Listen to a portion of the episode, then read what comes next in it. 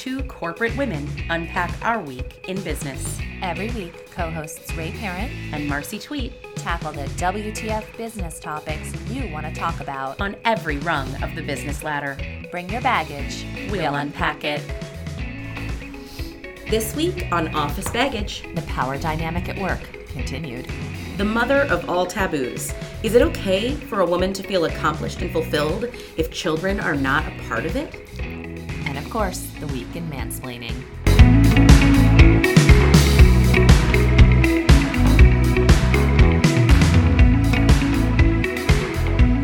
So, hey, Ray. Hey, Marcy, how are you? I'm good. Happy Friday. Right back at you. I was so excited to record this morning. You know, it occurred to me as I looked on iTunes at our podcast that we now proudly sport the scarlet letter E. We do. My husband got a little PO'd at me because he's like, Marcy, you need to label these explicit. And I'm like, I mean, at what point is are is something explicit? Like to me, people say like shit and damn, not explicit.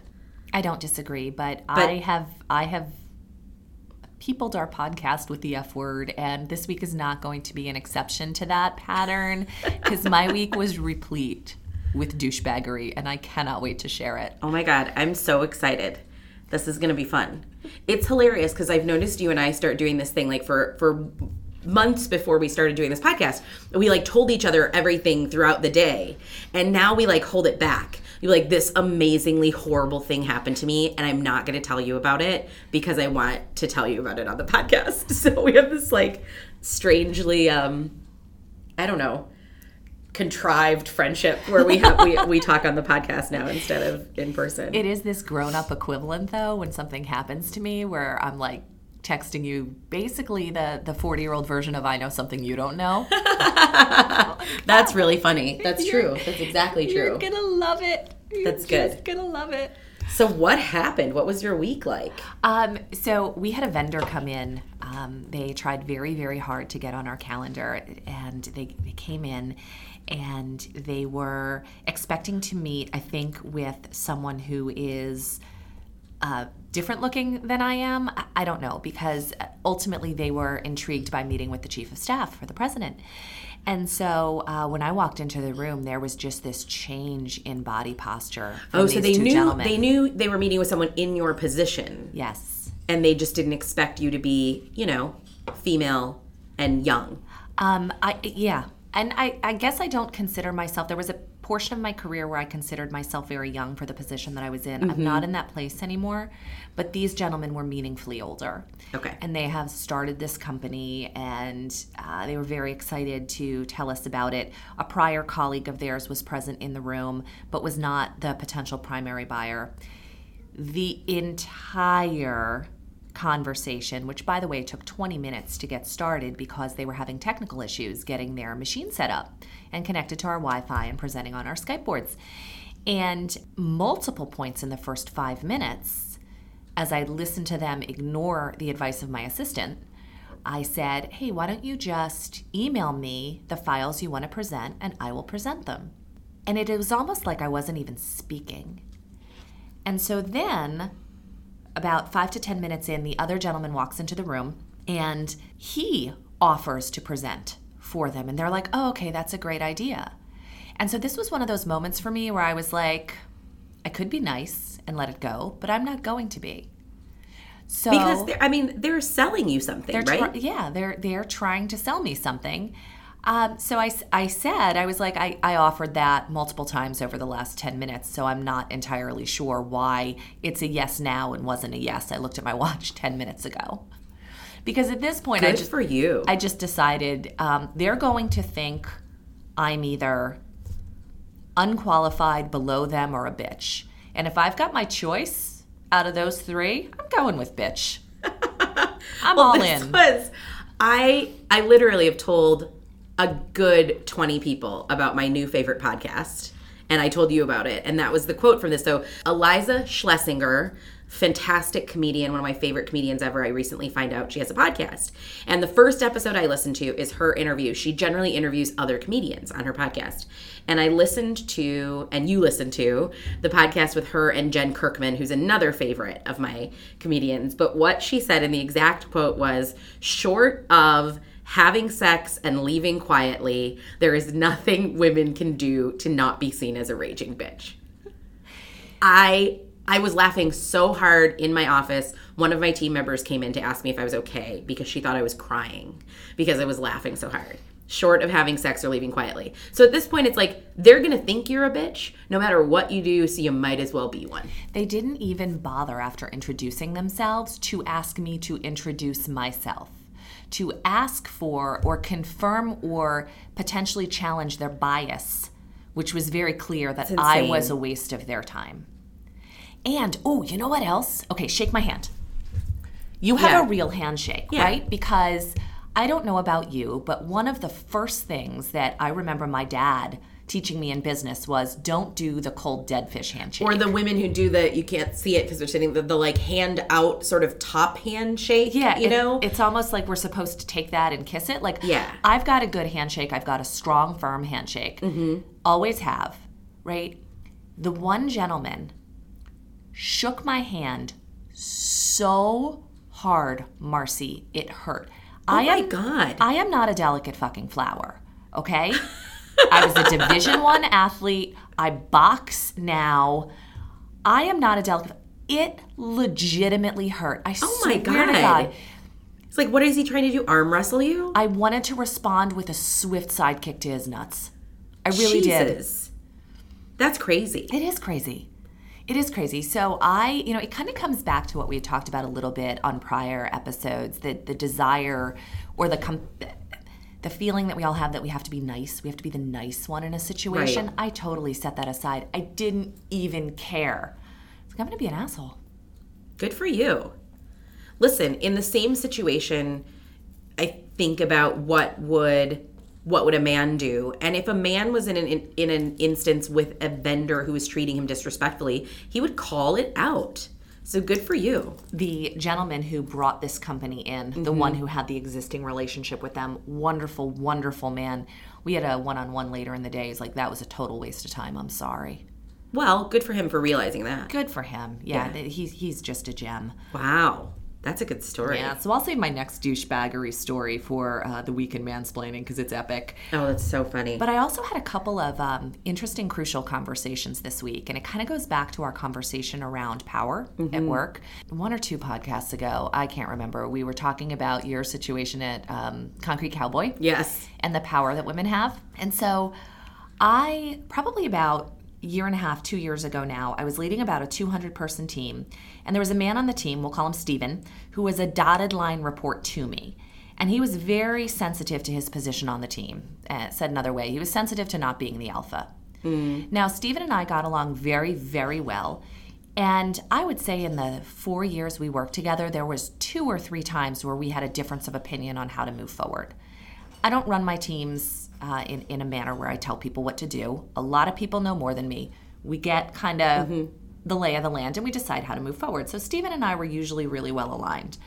So it wasn't like there was ever any fighting. And look at where we weren't aligned, we'd talk it out, we'd get aligned. It was fine. My leader at the time, C suite male, um, kept saying in public forums, so all employee meetings, town halls, board meetings, that Stephen and I were leading this work effort together. And what my leader was doing was trying to make Stephen feel validated. Uh, however, it was making my job harder because people would, if they didn't like what I was saying, kind of end around to Stephen because they understood the relationship, but also knew that there was kind of this talk about it being a co-lead. And and again, as I said, nine times out of ten we'd land that plane. But I went, and again, this is like two years ago. I went to my leader and I was like, I I need you to understand that I see what you're doing relative to validating Stephen, but I need you to see what you're doing and how it's potentially undermining my ability to be successful and achieve this objective for you. And I went into this conversation very nervous because it was a confrontation. Sure. And confrontation, I think, makes anybody a little bit nervous. And so I was worried that this leader would be defensive, but none of that. He immediately sat back in his chair, apologized, stopped talking. There was silence for a minute while he thought through it. He said, You're right. What do we need to do? And we came up with an action plan, and it was perfect. And at the time, I had kind of chalked that up to I've known this guy for 10 years. He brought me in to do this job. He's a very special uh, human being. Sometimes when I say that, I don't mean it as a compliment, but for this leader, like I mean it in a very good way. So, cut to this week where I, again, with another C suite male, um, we had had a full day meeting with our entire team. And in three separate instances in this full day meeting, I attempted to add value to the discussion, and I wasn't able to get the floor. A couple reasons. I'm newer to the team. My background is from a different place than the rest of the leaders on the team. So, and I'm kind of in an outside looking in role as the chief of staff. And it's a room full of alpha males for the most part who, Sure. who are used to having that floor and it's difficult to give it up. So I went to my boss and I said, Look, I need your feedback as to why I was not able to get traction in the room. And I shared with him three very specific examples. And again, went into that expecting a little bit of pushback, a little bit of uh, defensiveness, because one of the things I said was, I need you to consider the way you are responding to my feedback and how that reflects and influences the room. So, first and foremost, is there something that you are concerned about relative to the points I'm trying to put on the table? He immediately was like, No, not at all. I appreciate your perspective, on and on. I said, Okay, then can we talk about what I need you to do to show that in the room while I continue to gain traction? Really positive conversation. So, long intro to my question for you here, and it comes down to power. I'm wondering if a male sitting in my seat, having those kinds of conversations with another male, would have gotten that immediate acceptance and desire to help, or would have been met with some pushback. I think so. So here's the thing I think having a style and a willingness to go to an executive and say, I'm concerned in a way that is that's inherently confrontational. Like you said it's it's confronting someone and saying i want some feedback on this. But i think it's all in the delivery. And clearly in these two instances you delivered in a way that was listen i want to be more effective. I want to deliver on what you expect of me. I don't feel i'm doing that and here's what i feel is happening can you give me some feedback on that I think if a man went to either of those people in the same situation, I think I would like to think they would get the same feeling. However, I do think, especially for well enlightened male leaders, when a woman says, I'm not being heard, I think they do take it more seriously. And that's maybe one place where we do have an advantage. Because if a man says, I'm not being heard, he might be just seen as complaining. But if a woman says, I'm not being heard, I really think a good progressive male leader has to think about whether or not that's because she's female and how can he or she help to overcome that. We've done a lot in my company to educate the males in our organization about that. And I think that is very much a part of it. Historically, in my career, I've chalked it up to just, oh, they think I'm going to cry and they don't want to see tears, right? But I, I, do. I think you might have. I think you have a really good point mm-hmm. that we're very fortunate that male leaders are being educated on this. Right. There is some sensitivity training that has gone on across the board in corporate America, and that's really positive. And one of the things that I found incredibly powerful in both of these conversations was both of these male leaders have said to me, one, thank you for the feedback, but two, um, we don't see it all the time. Mm-hmm. We want to see it, but we don't see it all the time because it's not our experience. And so, it shocks them. It does. It absolutely shocks them. You and I were in prepping for this episode. I told you the, a little bit of a story. So a few years ago, my company was involved with a an organization. I'll try to be as as uh, vague as possible with with who it is an organization in Chicago that regularly does professional development and sort of young professionals groups, executives groups, etc. And we, as an organization, had had a membership with this group. And that allowed us to identify, let's say, 10 or 15 members to be a part of that group throughout the year, myself being one of them. Get a call from them midway through our membership year, and they said, We're starting this new thing.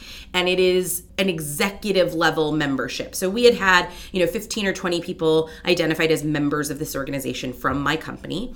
And they said we want you to identify five executive members and they will be invited to executive like luncheons breakfasts etc specifically for executives they use this term over and over and over again so we did that we identified a few people myself being one of them my boss um, being another, our general counsel, and two um, business unit leaders who were whose titles were CEO of their individual business unit. Heard nothing from, you know, gave them the names, that was it.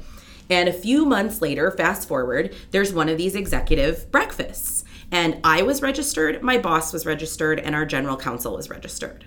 And the day before the breakfast, I got a call from this organization, and they said, We were a little confused as to why you registered for this breakfast. And I said, you know, I'm, you told me that it was for our executive members. I'm one of our five executive members. My boss is coming, our general counsel is coming, who I'm very, very close to. Why wouldn't I be registered? And the person talking to me on the phone said, and I quote, You're not high enough level to attend this breakfast. Now, listen, I work in a manufacturing company. Our titles are a little messed up. Um, you know, we don't have VPs and SVPs and DVPs and all that kind of stuff. We have general managers and CEOs. My title in my company is division manager.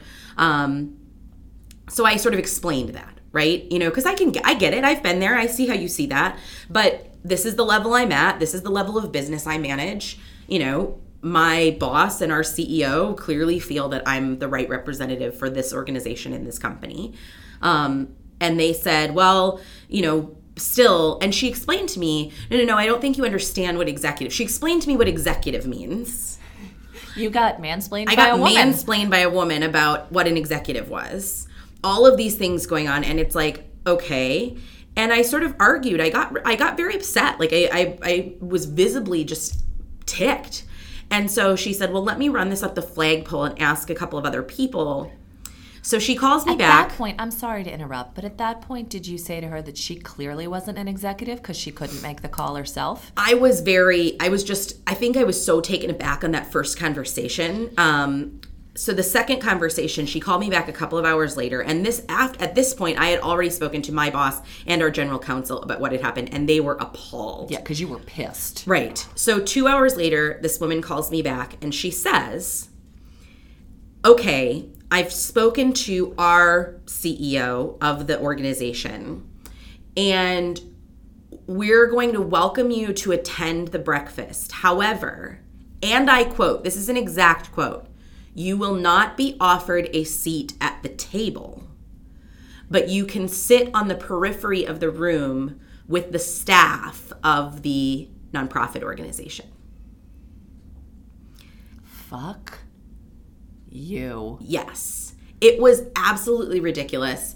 My general counsel and my boss immediately were like, we're not going, not going, either. And I said, no, no, no, no. You have to go. Like, you have to go and see what the feeling is. I want to hear about it because this was the first breakfast they had done like this. And our general counsel said, I'm going to wear my overalls and chew on a piece of cud, you know, kind of thing, like just to show them.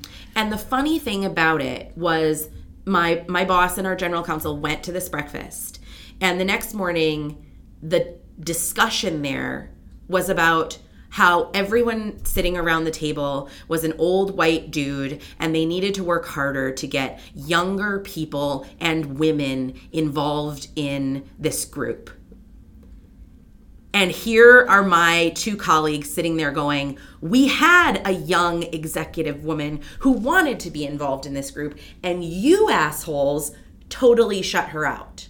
Not to mention, there were other young men who were allowed to be at the table. One specifically from a very large insurance company who was uh, sort of like younger sort of VP level, not even close to like what what I manage that was allowed to be at the table. And so it was the combination of not only being what they considered not high enough level, but being a young woman not high enough level at that table. But the thing, the way I, the reason I bring this back to the conversation we're having in power is it meant so much to me for the two men in my organization who, frankly, I am closest to as male leaders to stand up for me in that situation and say, this is not okay we are not supportive of this. And following that, we did not renew our membership and will not have a relationship with that organization going forward, even though that organization is one that could be influential for either of those leaders or another.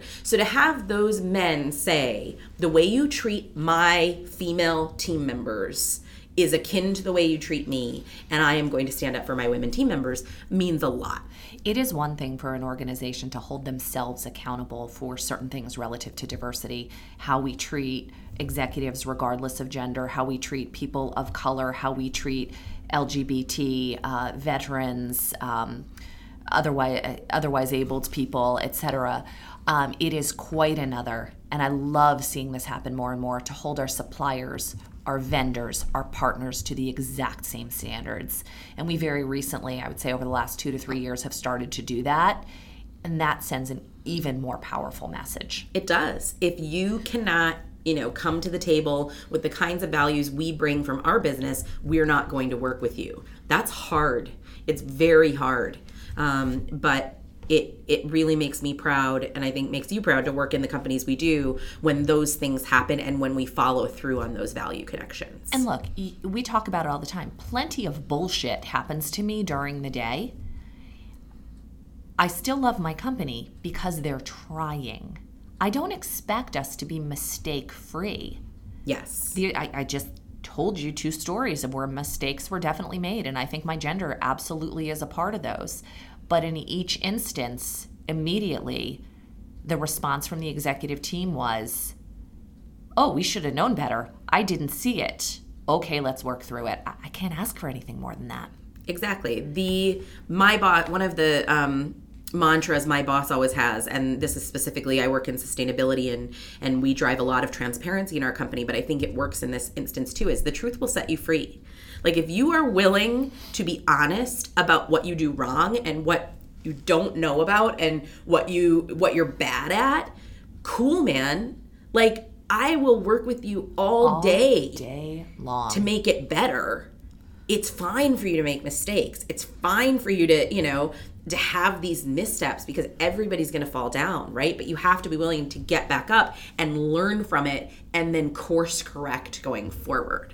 And that takes energy, that takes effort. It does. And I think there's no group that understand well, maybe there is a group that understands it better than us. We'll talk about that on a future episode, but the calories it takes, the mental energy it takes to think about every interaction and spot things and be hyper vigilant about making sure you're treating people in a certain way. Women understand that really freaking well. And it's great to see uh, male executives starting to put that same calorie burn in. Yes. So the test of time now, and you will come back and tell us, is at the next meeting of the same people, does he step up to the plate and make sure that you get the floor when you want it? You know, we huddle every yeah. Monday morning as a leadership team. He and I, so that those all day meetings were um, Tuesday and Wednesday of last week. We had our huddle Monday morning. There were changes Monday morning. Fantastic. Yeah. Good for him. Can't ask for more. Good boss. Love it. Good boy.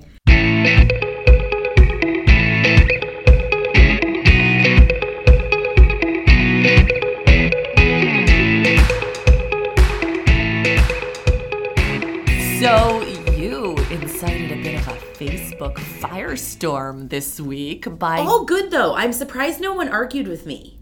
Well, you I wanted people to argue with me on this that, Facebook post. This was the second time you Facebook posted something yeah. about this topic, the mother of all taboo topics, which. Um, and you got less firestorm this time than you got last time. I did. I did. So, you know, I am a woman who is child free by choice and will remain so for the rest of my life. And I get an enormous amount of shit for that. And not only do I personally get it, women who do not have children are given an enormous amount of guilt. And then on top of that, women who have children and work are given an entirely enormous amount of guilt. So it was a few months ago, I got into a, a really awful Facebook fight with someone who consistently posts things like, I don't want other people raising my babies, about mothers who send their children to daycare or have a nanny or things like that. And it just bothers the heck out of me. So I saw this article and I felt it was really important to post it about the fact that being a mother is not the most important job in the world. Motherhood is not a woman's most important job. And I think this narrative has been crafted by everyone from Ivanka Trump most recently to a lot of other women who say, you know, oh, I do X, Y, and Z. I'm a CEO. I'm a this, I'm a that. But being a mother is my most important job. Raising the next generation is my most important job.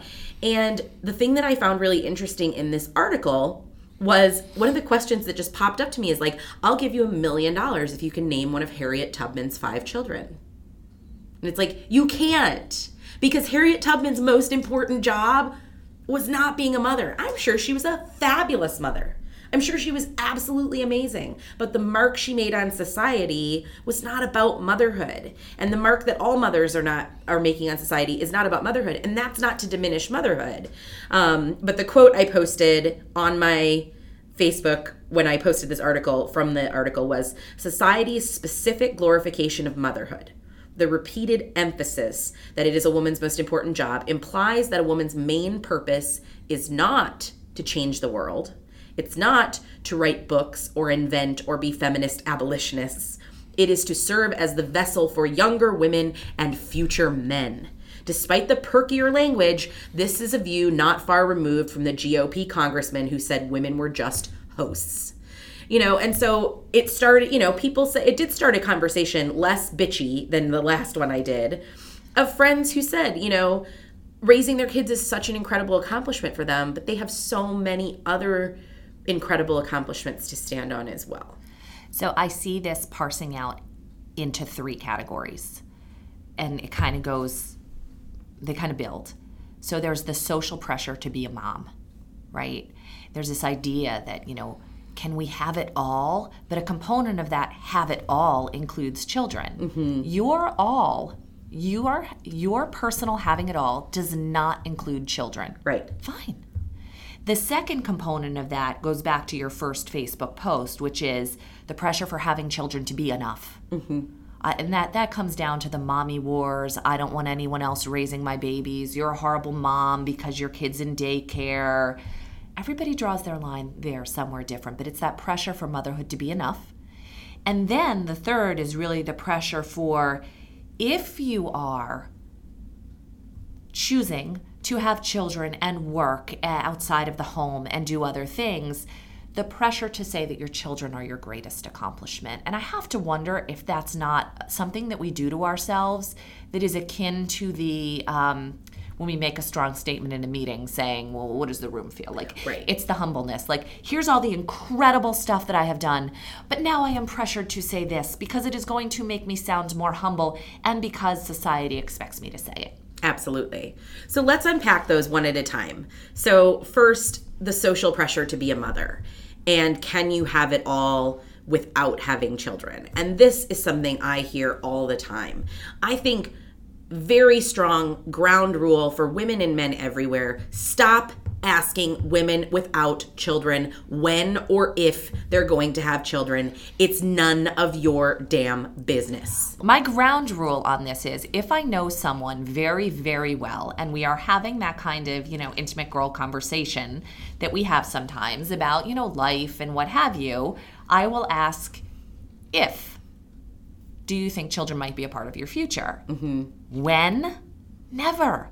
Yeah, Never and I think when. the if thing is is is even for me goes too far, um, and and I have to hold myself back from asking it because um, good example. I was with one of our classmates who is married and lives in a lovely home, and she has a, a lovely um, wife, and I hold myself back from saying Are you guys going to have kids? Or are you kid people? And I think the right questions are, you know, sort of what does the next 10 years look like for you? Like what kind of what kind of things do you have in the future? What are you planning for? You know, and the answer might be vacation. And the answer might be we're saving for our nieces and nephews to go to college. But I just I hate the like will you because if it's are you planning to have children someday or are children in your plan then what happens after that is and i'm not saying this is with you but with a lot of people is if you say no then the conversation that ensues is always like oh you'll change your mind um, just wait until your biological clock kicks in um, don't you like kids like it's all of those kinds of things. All of which are ridiculously offensive and are nowhere in my lexicon. Right. When people ask me if I don't like kids, my response is always someone told me this. This is not my original response. Someone told me this years ago and I use it a lot. I love kids. I just couldn't eat a whole one. so, you know, it's it's frustrating but it and it's one of those things. So it's just you know oh who's going to take care of you when you're old and gray? Like all of those things. I'm like you know who's going to take care of me? The young hot dude that i'm going to save all of my money to pay for because i don't have children.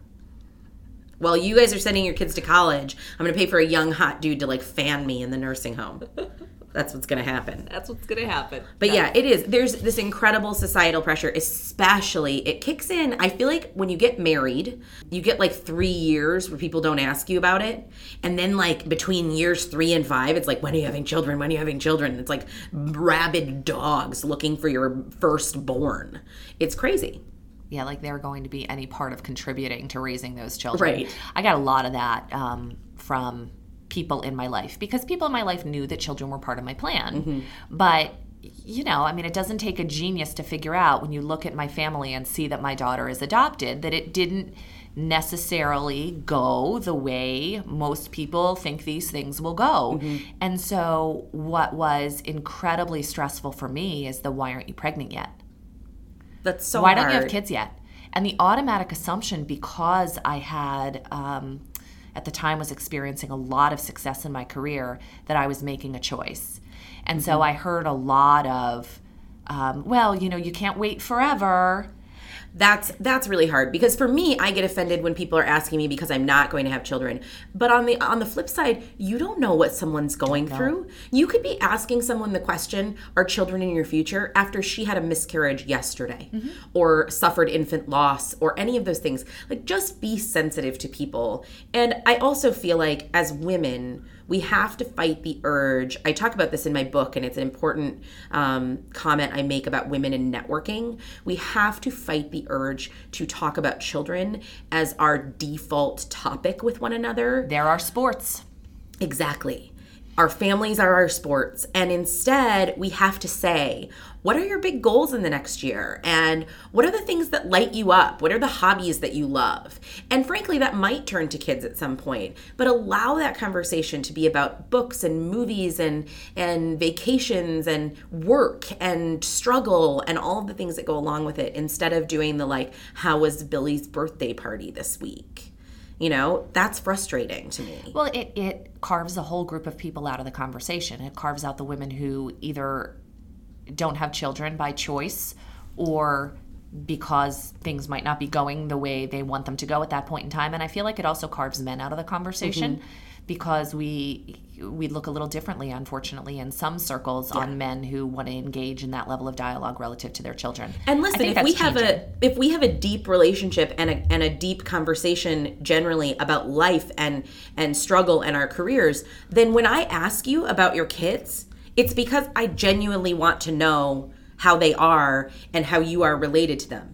It's not because I'm filler conversationing about your son's birthday. It's because I'm actually interested in your son's birthday. And it's like those kinds of things I think, you know, and I, this is just in general, have deep conversations with women in your lives because we deserve to have those kinds of conversations. But, you know, the can you, are you going to have children, the social pressure to be a mother, it just, it just grates on you over, grates on me over time in a way that makes me particularly defensive. That is understandable. And I, I equally chafe. I'm not going to go into a lot of detail around the pressure for your children to be enough. This is all the mommy wars stuff. Mm-hmm. You know, working moms versus non-working moms. In my my tiny circle in Connecticut, Um, the non-working and the working get along just fine. That's great. There's none of that. There's none of that mommy war stuff. Have you seen that Sarah Jessica Parker movie that uh, I I don't know how she does it? Yes. Where it's like the like Lululemon moms that like are on the elliptical all day, and then like the working moms who have like un un um uncooked Jello or whatever. You know, it's so funny. It is true, and there there is some of that. But thanks to um, the one-two punch of working mom guilt and Pinterest, uh, whatever I'm bringing to the bake sale usually looks amazing. And my non-working mom friends are like, "Really? How do you do it?" And my default answer is Ritalin. um, just just to get the looks back from people, but uh, it's not Ritalin. I maybe should look into that though because I'm starting to just get very very tired. Um, where I wanted to spend more time is the pressure for children to be um, your greatest accomplishment. I remember it was years ago now, years ago, I was watching an interview with the actress Felicity Huffman. I love her. Isn't she amazing? Love her. And William H. Macy, like if there was a celebrity couple to They're go to such dinner a with, power couple. Oh my god, I oh love them. well, it's not just that they're incredibly talented, they just seem smart. They also, what I would say about the two of them is they seem like equals. What I love about them is that, you know, maybe one year he's he his movie is more successful. And so he's sort of the f- per- first person on the carpet right? And maybe the next year her movie is successful. And uh, both of them always seem so proud of one another and their own success which i love. It is incredible. Every time I see them at something together, I just think they would be really, really cool to just have dinner with. yeah. So this was it was 2006 so it was long before i had children. Um, miss huffman was asked by a reporter i believe it was Lesley Stahl whether motherhood was the best experience of her life. And i I actually pulled this up because it was such a moment. She sat back and she was like no and, and i resent that question because i think it puts women in an untenable position because unless I say to you, oh, Lesley, it's the best thing I've ever done with my whole life, then I'm considered a bad mother. And just when I said no, you, Lesley, you went back. You were taken aback. that's so interesting And it just, that resonated with me so much at the time. We were just starting to think about having children. We'd been married two and a half, three ish years, and none of our struggles had started yet. But I knew as much as I wanted children, but that that, that, that was the kind of mom who chooses not to work outside the home and whose whole world revolves seemingly around doing for her children was not the kind of mother that I was going to choose to be. And it was so refreshing in that moment to have someone role model that that was okay. Well, and I think it's okay to also be the kind of mother who stays at home and and does, you know, does the stay-at-home mom thing if that's what fills you up. But I think the other thing that you put in here which I thought was really insightful, Ray, was that kids are not an achievement. Like you didn't achieve your children and what they do is theirs. They are their own autonomous human beings. I was given this great quote when we adopted our daughter, and I shared it with her birth mother. And it said something along the lines of, and I should look it up children are not our own. They are arrows that we shoot forth into the world to make their own impact. and wow. it is so very true. Like I feel like my children, my my daughter who was adopted, and my son who showed up biologically nine months, nine days, and six hours later. proof that God has a sense of humor. Um, are little souls entrusted to me to cultivate, and I'm incredibly grateful for that. But what they do is not my accomplishment. My daughter is a gymnast. That kid kills it. Did you She's a bad yes, she's a badass. she is a badass, that kid. That's not my accomplishment. That's hers. She's that's hers. She works that hard every day. I enable it. Mm-hmm. I coach. I love and I care for and I structure, but that's not my accomplishment. Right. Yeah, it's interesting to me. And I think on any level, I want moms to own their own accomplishments and I want moms to own their own achievements. And being a good mom, feeling good about yourself as a mom can be an accomplishment. But your kids are are not they have to own their own stuff. And you know, I think our whole thesis on this is is and I want to be very clear on it. Our thesis is you do you, mm-hmm. right? You do you. And, and if you doing you means not having children, good for you. If you doing you means having children and working at the home by doing the ridiculously hard work of being a stay at home mom, good. If that's what fulfills you, if that's what makes you a happy, productive member of society, I love you for it. But if if you doing you means having help in the home, having children that you see 4 hours a day instead of 12 hours a day, but those 4 hours are incredible, fine. It's all okay. And I will expand on that thesis because I agree with you 100% by saying your experience is your experience and any other woman or man or mom's experience is their experience. And I think there's so much shaming that happens between women about children, whether you have them, whether you don't. And, you know, nobody's experience is better, right? You staying at home with your kids might work for you, but that doesn't make your experience better or more valid or your kids better than the mom who doesn't stay at home with her kids. It doesn't make your experience better than my experience as a woman. Well, since we're already in taboo topic land, I'm going to double down. Okay. So I've shared that we adopted our daughter, came home from Florida. She was adopted domestically and found out we were pregnant. Yes. And so, nine months, nine days, and six hours later, I have a nine month old and a newborn. And Amazing. I tell my daughter this all the time, and she laughs, and we laugh about it, and we say it with love. She was an awful baby. she was awful. And it was my fault entirely, mine and my husband's, because pressured with, I wouldn't change it, but pressured with fear about bonding because she was adopted. Mind you, we met her when she was three hours old. She was in our custody Yeah. at three hours old. We decided that an awesome thing to do would be to hold her constantly. We held that child constantly for 14 days. And then we wondered why she wouldn't sleep in her goddamn crib. right? So we have. So I tell her all the time, like Maya, you're Oh, a bad God. baby, um, and we, and we laugh and we talk about it. She also had a really bad colic, and it took a long time to find a, f- a formula that would work with her stomach and would appropriately nourish her, that she could hold down and what have you. And so everybody understood why I was formula feeding my adopted baby. But when my son showed up, Oh, the guilt and shame. I can just hear it. I'm not even a mother and I know how bad it is. oh, it is so bad. People are vicious. Vicious, Yeah. like I was poisoning the kid. Listen, crack whores have babies every day. This is always my like mantra to my sisters-in-law, my incredible sisters-in-law, who are two of the most amazing mothers I've ever known. Um, but anytime one of them stressed, it's like, you know what? Crack whores have babies every day that grow up to be like lovely people. So listen, you are a great mom.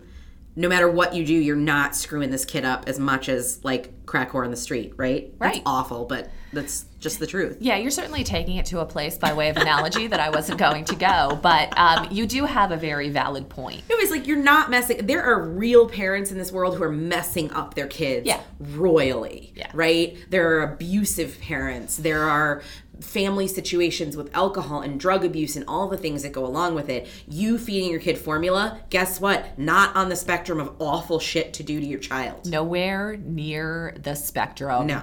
at all. But I still, Yeah. I still have people make comments to me. So, like my son, oh God, I love my son. That boy is the light of my life.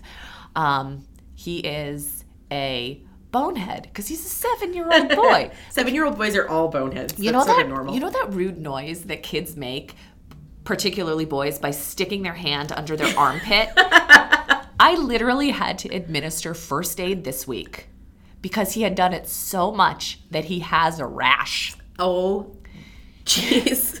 And while I am while I am administering first aid to him, he is upset because how is he going to make this noise? So while I am patching up his Well, the other armpit might be okay. he figured out how to do it with the back of his knee and his eye socket. Not together. Like he figured out how to put his Yeah. right hand under the under the back of his knee and do it there. And then he figured out how to do it by like suctioning off of his eye socket. And then he looks at me and he goes, "Mom, this kind of hurts." And I'm like, "Don't fucking do it." You're like, sorry, not sorry. It wasn't even an option for him. It wasn't even an option. So anyway, Luke does but my son's name is Luke. He does bonehead things all the time, the way 7-year-old boys do. And I literally had someone say to me, "Well, he was formula fed, right?" no. we were at a bar. I just wanted to kick her stool out from under her and yell, I would have been like, you know what? Formula and a whole lot of whiskey. Sorry. That's it.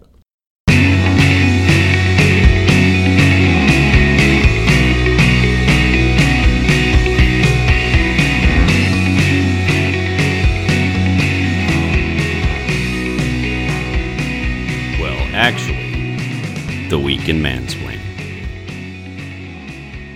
You have a mansplaining story of the week. I'm struggling to think of one. Maybe I'll That's think of one by the time you're done. Maybe we're making progress. Maybe I'm getting mansplained less. All right. So, um, a young gentleman called me. I had worked with him when I was an executive on our investment team, not only in my most recent company, but going back to my prior company as well. So, this is someone who is up and coming in the investment community. Really, really good guy, smart guy, Yeah. um, what have you. And he was trying to get me to participate in something. And he said, uh, It's from the Carlyle Group. That's a big private equity firm. And then he goes on to ex- start to explain to me what private equity firms do. And so I interrupted him and I'm like, Dude, have you heard of mansplaining? And he's like, Well, you know, he did that thing. Like, I didn't know if you knew. And I was like, Ask the question. well, here's the thing. I was in ex- I was on the leadership team for our investment organization for the last two companies we've Oh, been Lord. in together, dude. That's great. You had reason to believe that I probably knew what a private equity firm did and what the Carlyle Group Wow. is. And so it gets better.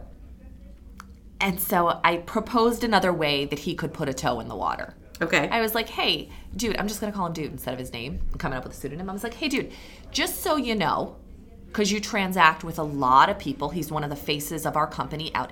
Here's another way you can solicit someone's knowledge base. Sure. Without sounding like a douchebag brosif. yeah. And he says to me, honest to God, Marcy, Ray, I, I get that, but it, uh, then I'm going to have to think about everything I say. He literally said it. He Oh literally my said, God. honest to God. I was like, dude, That's generally how life works. that, by the way, is called a level playing field because women and people of color and literally everybody else except very privileged white men do have to think about everything that comes out of their mouth. Yes. Marcy, literally, literally, we were on the phone. I wrote it down. I get that, Ray.